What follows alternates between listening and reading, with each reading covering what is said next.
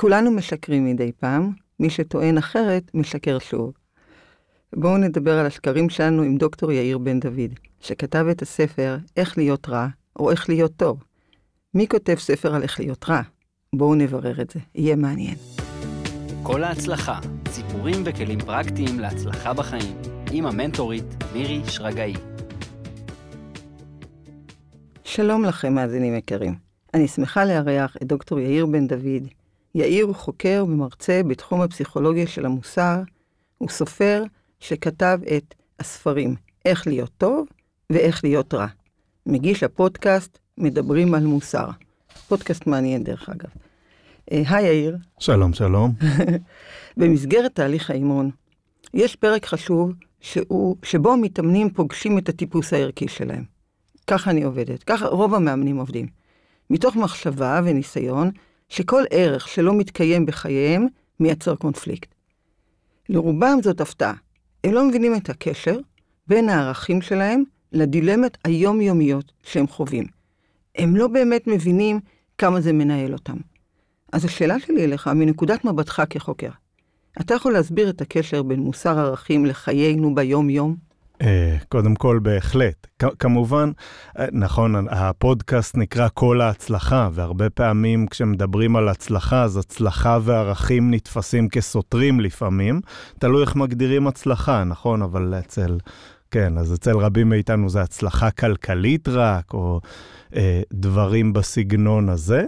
אבל באמת הערכים שלנו משפיעים מאוד על האופן אה, שבו נפעל ובו נתנהג, אל המשפחה, אל החברה.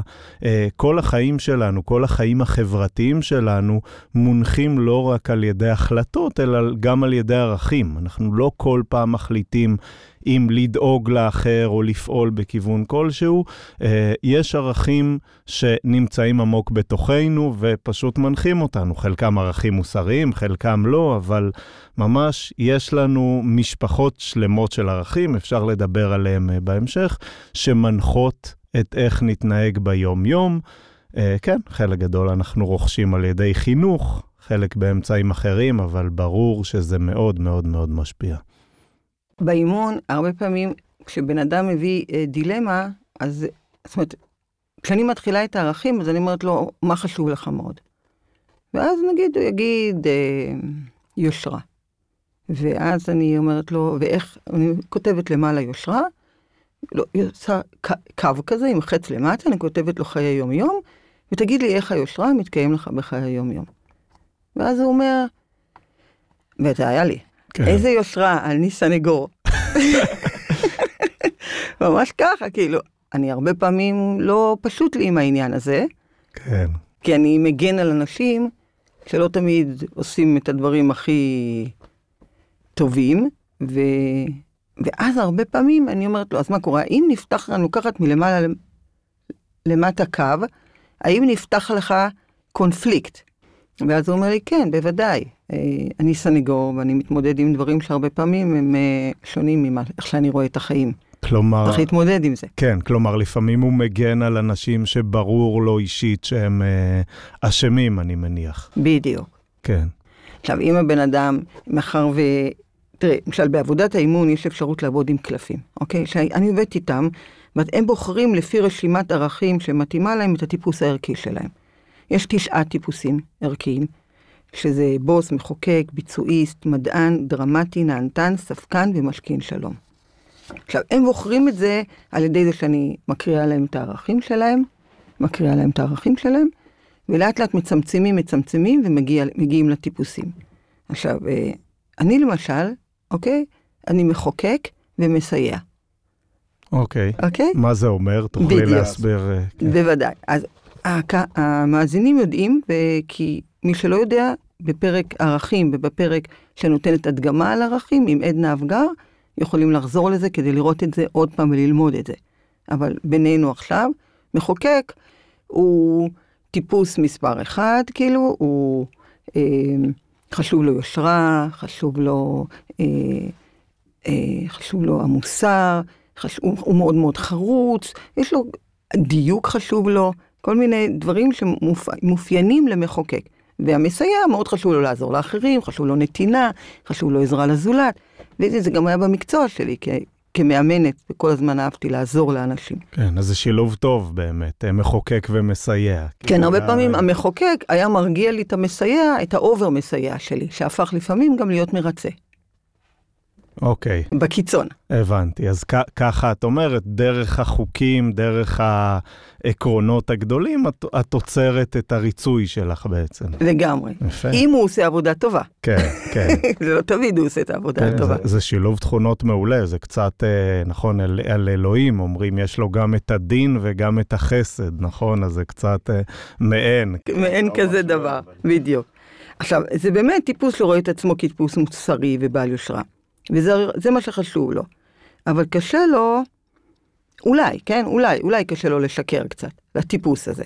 ואז בוא נקשר את זה לנושא שאני רוצה לדבר עליו, על השקרים. כי יש לך שם פרק בספר על השקרים, שלא יודעת למה זה מגנט אותי כזה. כי הייתי תופסת הרבה פעמים את השקרים באימון. זאת אומרת, את המתאמן שמספר ש... אה, אה, נגיד, אני, לה, בפגישה המשותפת, הוא יגיד, מה פתאום אני בוגד? על מה את מדברת? את רואה? את רואה? תסתכלי, תסתכלי. קודם אני מאשימה אותי שאני בוגד. אחר כך שאני איתו לבד, הוא אומר, כן, בגדתי שלוש פעמים. אוקיי, עכשיו, כ- כמאמנת, אני צריכה לדעת לנוע בין, במצבים האלה, והמחוקק שלי משתולל. אתה יודע, כן, כן. די, הוא ממש מתחיל לצלצל לי בראש. כלומר, את ממש, את, זה ממש מכעיס אותך, אבל את צריכה עדיין לנהל את לזכור, עצמי, כן, כן. כמטפלת, כמאמנת, כל האנשים האלה, אני בטוחה שהם נתקלים בסיפורים שהרבה פעמים פוגעים בערכים האישיים שלהם. כן, עכשיו, איך הם מתמודדים עם זה? כן, כן, מעניין, מעניין, ואת צריכה מצד אחד באמת אה, לסייע לו ולהיות אמפתית כלפיו, מצד שני, את אומרת, הבן אדם בוגד בערכים לא רק שאת מאמינה בהם, אלא גם שהוא מאמין בהם, נכון, ולפעמים הוא לא שם לב. כן. כן, מעניין. אז אם אנחנו משקרים, בין אם זה שקר לבן או שקר פחות לבן, כמו שאתה אומר, זה אומר שאנחנו חלשים מוסרית, פחות אתיים או פחות טובים? אה, שאלה טובה. אז קודם כל, אני, כולנו משקרים, כן? מי שאומר אחרת משקר. כלומר, אין... כמו שאמרתי בפתיחה, בדיוק. כן, בדיוק. אין- אתה אמרת בעצם. כן, כן, אין, אין, אה, אין כמעט אדם שלא משקר, אבל יש סקאלה. אה, באמת, אנחנו רואים, נגיד, אצל ילדים, ילדים משקרים המון, כל עוד אצל ילדים הרבה פעמים זה לא שקר אם אתה לא נתפס. כאילו, הם מגלים נכון. שאפשר לשקר, וזה מדהים, כי לא אכלתי את המסטיק או לא גנבתי את הזה, עד, ש, עד שהם נתפסים. והרבה פעמים כמבוגרים אנחנו גם ככה, ולכולנו יש סקאלה של שקר. אני חושב, נגיד, אה, אחד הנושאים שאנשים הכי משקרים בהם זה בזמנים. כן, אני מגיע עוד מעט, עוד חמש דקות, למרות שהוא נמצא חצי שעה שעה. ממך, כן. כן. שומעים את ה... כשהוא מתקשר את זה שהוא עוד בחדר מדרגות.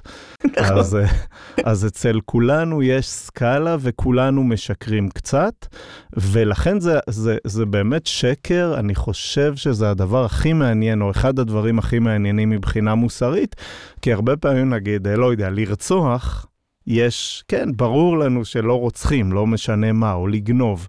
ושקר זה משהו שאנחנו יכולים לשחק איתו קצת. כלומר, אם חברים יתפסו אותך בזה ששיקרת לגבי זמנים, את לא תאבדי את לא האמון נורא. שלהם, אבל אם ת, תשקרי לגבי משהו יותר קריטי, אז זה יכול להיות נורא, וזה יכול לערער אה, מערכות יחסים, כן? בגידה יש בה עוד אלמנט נוסף, אפשר לדבר על זה אחר כך. שזה גם נושא סופר מעניין, אני חושב, מבחינה סופר. מוסרית. אפשר לדבר עליו, אבל באמת שקרים הרבה פעמים זה נתון להחלטתנו ולהחלטת החברה מה נחשב שקר ומה לא. אנחנו רואים את זה הרבה פעמים בהבטחות בחירות. הבטחות נכון. בחירות, הרבה פעמים אנחנו, הם נועדו להפר אותם, נכון? אנחנו ממש, אה, אה, כן, דיברתי עם אה, שי קודם על המצב הפוליטי וכולי, אז באמת, משני הצדדים כל הזמן מפרים הבטחות בחירות, כלומר, אנחנו אומרים, אנחנו הולכים להצביע למועמד שהולך לשקר לנו, וזה בסדר, כן? אז צריך לזכור שבגלל ששקרים, ההתייחסות אליהם היא כל כך אה, אה, יחסית, הרבה פעמים שקרים למטרה טובה, נגיד, נתפסים כמוצדקים. או אוקיי. שקרים לטובת הכלל, כלומר, יש ממש אה, אה, הקלה, כן? מקלים לנו. בחברה אה, כשאנחנו משקרים בשביל מטרות טובות וכולי. לכן, לא תמיד נתפוס מי שמשקר כאדם רע. או כאדם שצריך אומר, להתרחק ממנו. אתה הרבה פעמים דווקא על הפוליטיקאים מקלים להם יותר מאשר בחיים הפרטיים שלנו? כן, כן. למה אני, זה ככה? למה זה ככה? קודם כל, אני זוכר סרט, אה, אני לא רוצה להיכנס פה לפוליטיקה. גם אני, אני לא. אני, אני רק אגיד שאני זוכר את, ב, בסרט על ביבי, אני זוכר מישהו שאמר, הוא משקר לעולם, אבל הוא משקר בשבילנו. עכשיו, זה לא רק ביבי, זה גם בנט, זה כל אחד, אה, זה לא מייחד אף פוליטיקאי. אנחנו סולחים לפוליטיקאים על שקרים, כי אנחנו מצפים מהם למה שנקרא מוסר תוצאה. אנחנו אומרים, כשאני מולך, אז כשאת משקרת לי באופן עקרוני, זה פוגע בי, אני אה, מרגיש עם זה רע, אולי מעלת באמוני.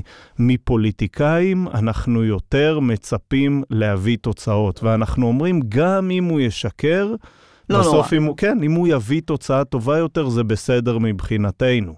התקשורת לפעמים תדגיש את השקרים וכולי, אבל אני כבוחר אגיד, אוקיי, הוא שיקר, אבל הוא בא לשרת מטרה, טובה. בדיוק, הוא לא חבר, הוא לא אמור לעמוד בכללים מסוימים, הוא אמור להביא תוצאות, וכל עוד הוא מביא תוצאות יותר טובות, מצוין מבחינתי, וככה מדהים. אנחנו מתייחסים אליהם. אפשר, יש מצב כזה שאפשר לא לשקר בכלל?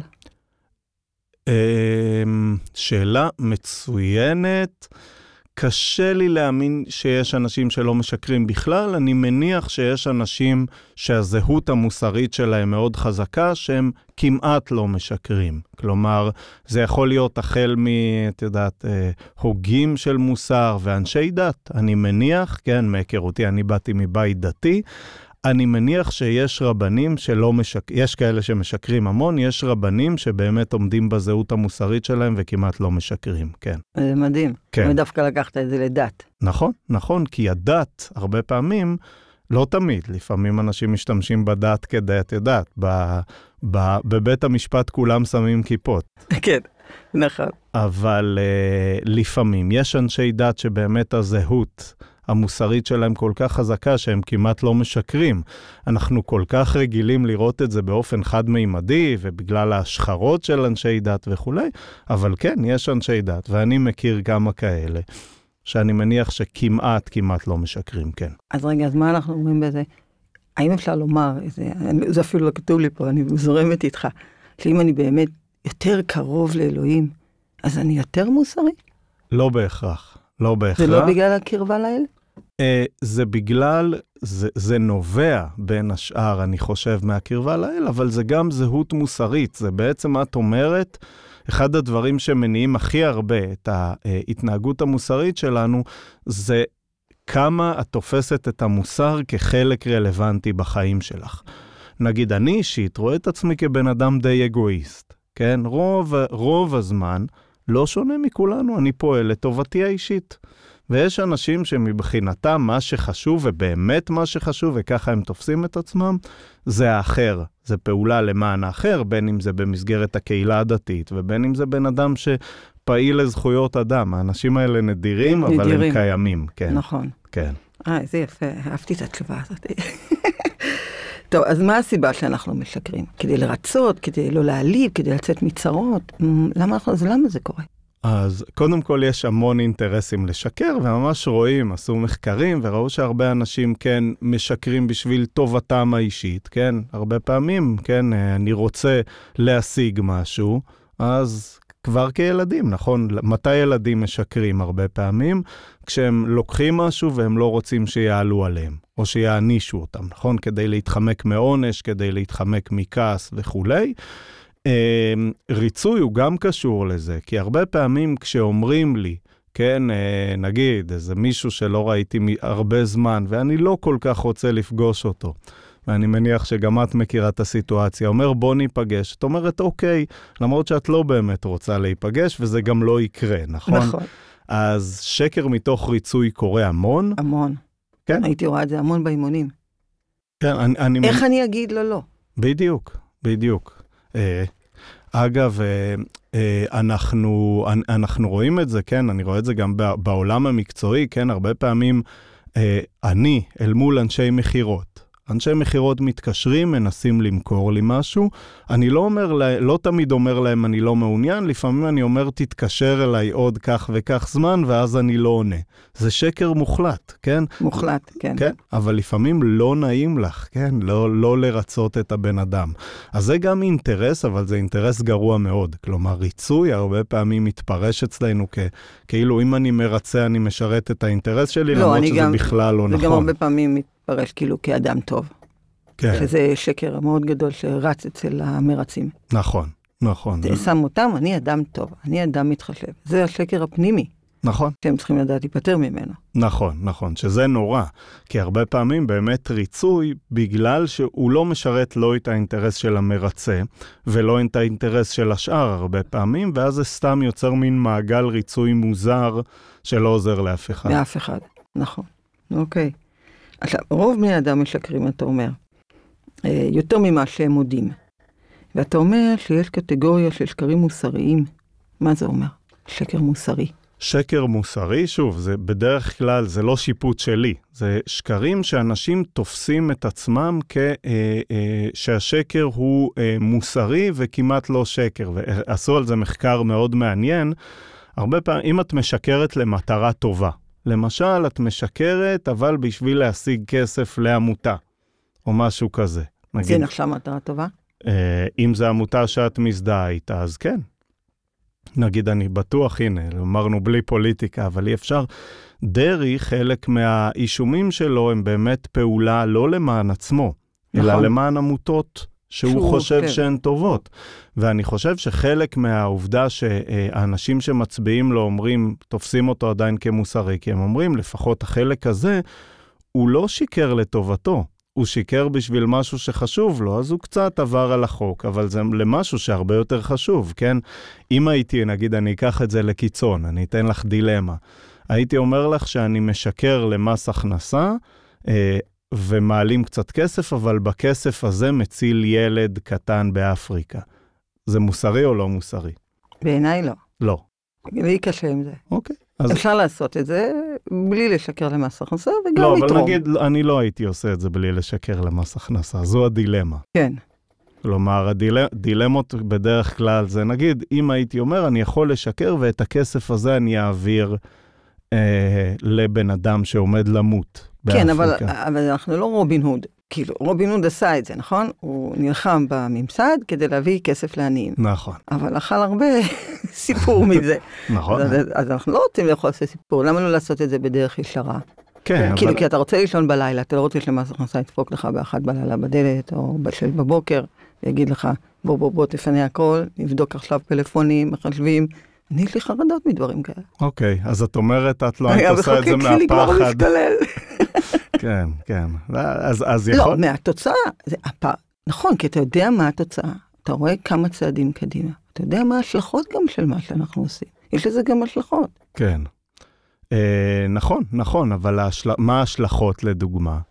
למה אני שואל? כי בסוף התוצאה, והרבה אנשים יגידו, הצלת ילד. הילד הזה, אנחנו שוכחים לפעמים כשאנחנו אומרים, אני לא אעלים מס, או לא, נגיד, כשמציבים לנו דילמה כזו, הצד השני זה להציל ילד באפריקה שימות אם לא נתרום לו את הכסף. ויש ילדים כאלה, כלומר, כולנו, אני ואת, מאוד בקלות, לא מאוד בקלות, אבל uh, בכמה אלפי שקלים יכולים להציל בן אדם, כן? Uh, זה מעניין, יש אתר שנקרא uh, uh, GiveWell באינטרנט, שממש אומר לך, אם את תורמת לכל עמותה, כמה, כמה, בכמה כסף את מצילה בן אדם. אז זה מדהים, ואת ממש רואה, כן, שבסכומים מסוימים את מצילה אנשים. כן. זה די מטורף. זה די מטורף. זה, זה דילמות לא פשוטות. מאוד לא פשוטות. מאוד. כן. ומה עם הדילמה, למשל, אה, שמישהו חולה, ואתה לא אומר לו את האמת לגבי המחלה שלו? נכון, אז הנה, אז זה יש כאלה שיראו את זה כשקר למטרה טובה. כן, מישהו קשיש, נגיד, ניקח דוגמה, אחת, אחת הבעיות בדילמות האלה שתמיד אומרים, אוקיי, מתישהו יעלו על זה. נכון? אחת הבעיות בשקרים, שכשבן אדם, ועוד מעט נדבר על תכונות ועל ערכים, כשאני מתחיל, אני לומד שאפשר לשקר, אז פתאום אני משקר בהכל, כי אני אומר, אוקיי, אז שיקרתי לזה, אני יכול אבל לשקר זה גם הבעיה, בזה. שזה קצת מתפרס בסוף. נכון, נכון, ובסוף גם יעלו על זה. נכון. אבל נגיד יש לך מישהו, קרוב, משפחה, קשיש, שהוא חולה במחלה אה, סופנית. סופנית, ואת יודעת שאם לא תגידי לו את זה, הוא לא יעלה על זה עד, עד היום האחרון. אז פה יש דילמה. יש כאלה שיבחרו לא להגיד לו את זה כדי לא לגרום לו לצער בימיו האחרונים. כן, כן. ויש כאלה שרואים את זה כשקר למטרה טובה. ואחד הדברים המעניינים באמת שניסויים מראים ששקר למטרה טובה, אנחנו כמעט לא תופסים אותו כשקר. כלומר, אם נותנים לאנשים לשקר למטרה טובה ובודקים את התגובות הפיזיולוגיות שלהם, רואים שאין להם את אותן תגובות של הם שקר. עוברים פוליגרף. הם יכולים לעבור פוליגרף. מדהים, כן, כן. באמת? לכן אם את עוברת. פוליגרף אי פעם, תחשבי שאת משקרת למטרה מטרה טובה. והכל יהיה אולי זה בסדר. באמת אלה שעוברים את הפוליגרף עושים את זה. יכול להיות, מי יכול להיות. שמשכנע את עצמו, כן. אז מה זאת אומרת? אתה אומר שקרים מועילים, שקרים אציליים.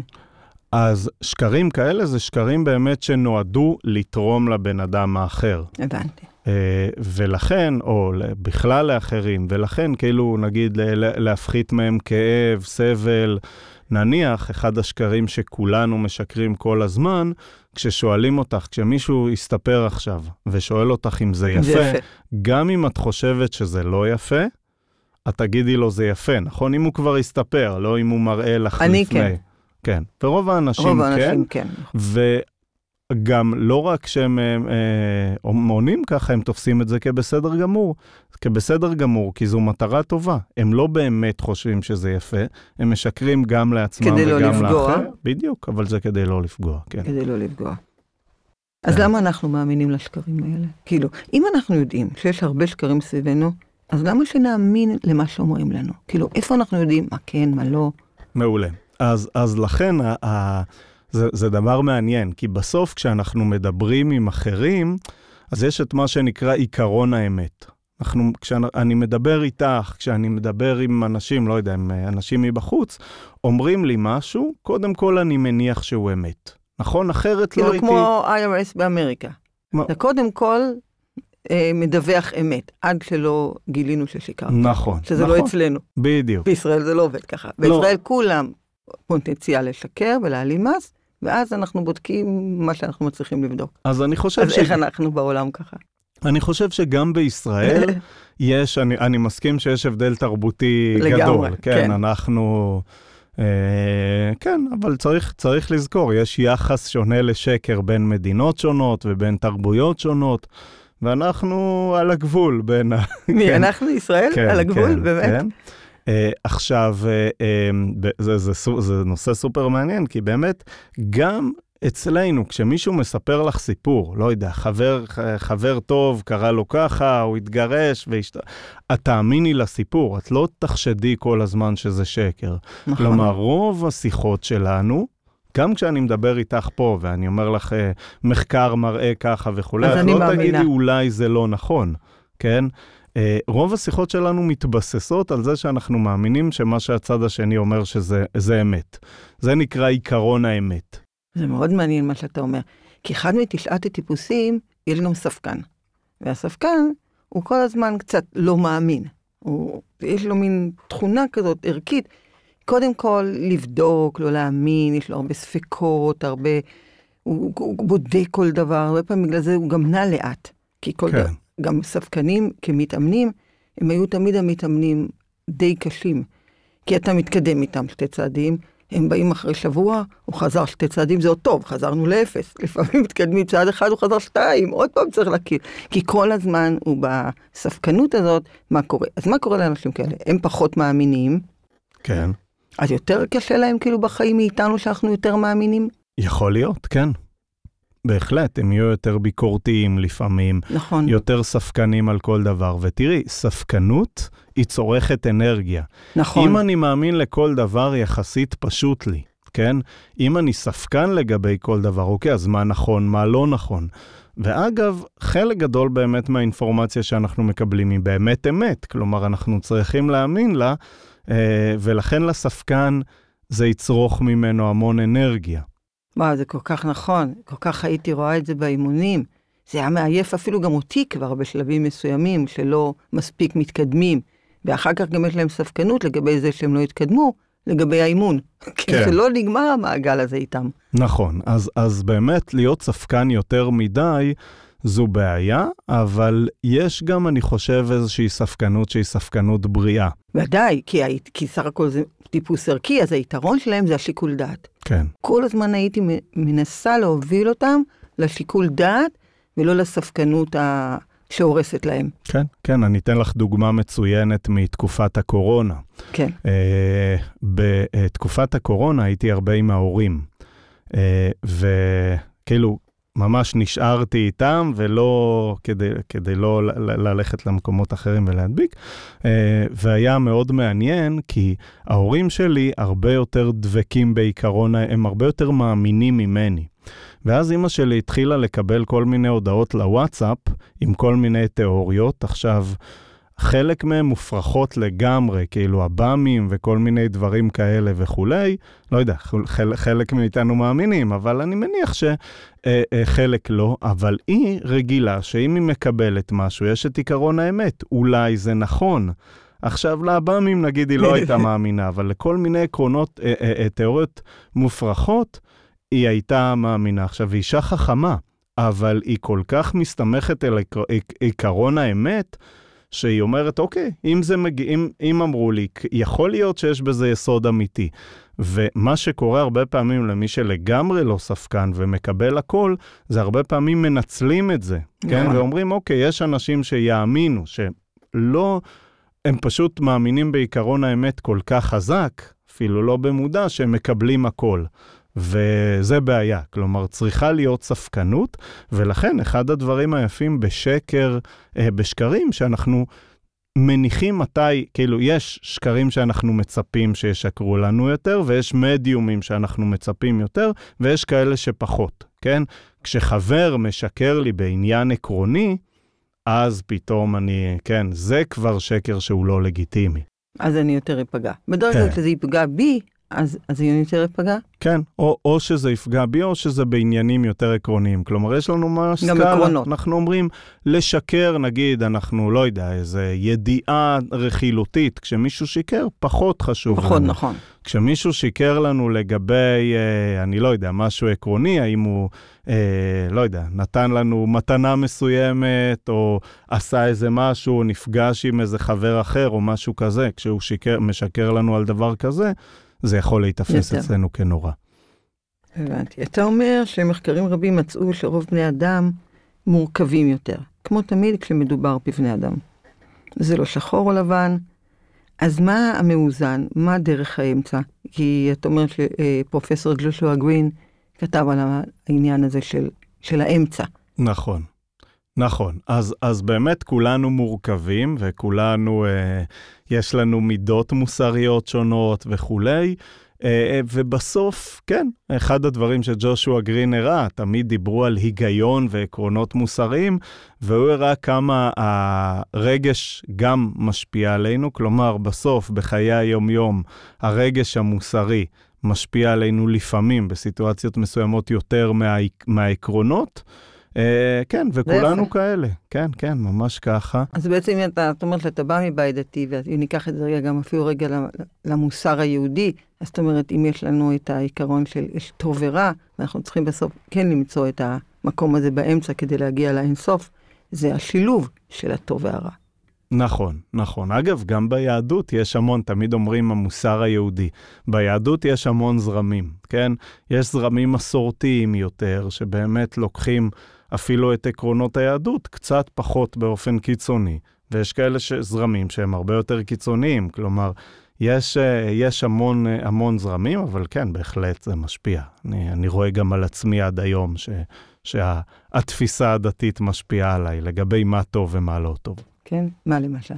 אז קודם כל, אני לא שומר, חוץ משבת, אני לא עובד בשבת, כן? זה, זה משהו שנשאר לי מאז. אני לא שומר כמעט כלום. אבל כן יש הרבה סוגיות שיש, אני רואה בהם טוב ורע מוחלטים, כן? לא, לא יחסיים. אני, ברור שיש טוב ויש רע.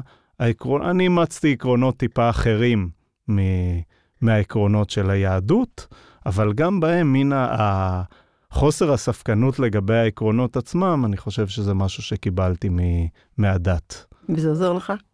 לא מאוד, אני אגיד לך למה. למה? כי, כי בסוף, אני, אני מאמין, העקרונות מאוד ברורים, אבל תפיסת המציאות שלי היא מאוד ספקנית. אפרופו הטיפ, הטיפוס הספקן. כן. נגיד אני מסתכל על המפה הפוליטית, לדוגמה, אז לכולם ברור, כן, אלה רעים או אלה מושחתים וכולי.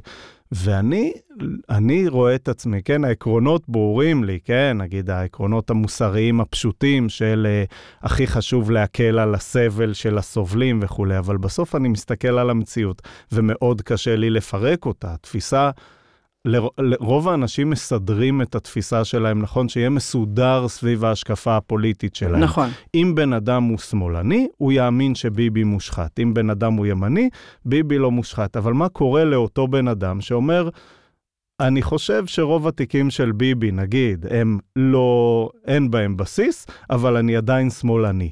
קשה לו מאוד להסת... אגב, אני קצת כזה, אני לא, לא נעים, אני חושב, כן, שחלק גדול, גם בהקשר הזה, יש לי תפיסות מאוד מורכבות. כן. עכשיו, רובנו נסדר חזית אחידה של כל התפיסות שלנו, ולמי שספקן ככה לגבי כל מיני דברים במציאות, מאוד קשה. נכון. אה, אז העקרונות מאוד ברורים, תפיסת המציאות שלי מאוד ספקנית, אז כן. ככה זה קצת לא יש מאפשר. מצב שבא אני עושה לך את הקלפים, אז יש לך ספקן, אתה אומר. אה, כן, כן, כן. בוא נראה. וגם יש מצב. אז איך ניתן לתעדף את תשומת הלב המוסרית שלנו? על מה לשים לב?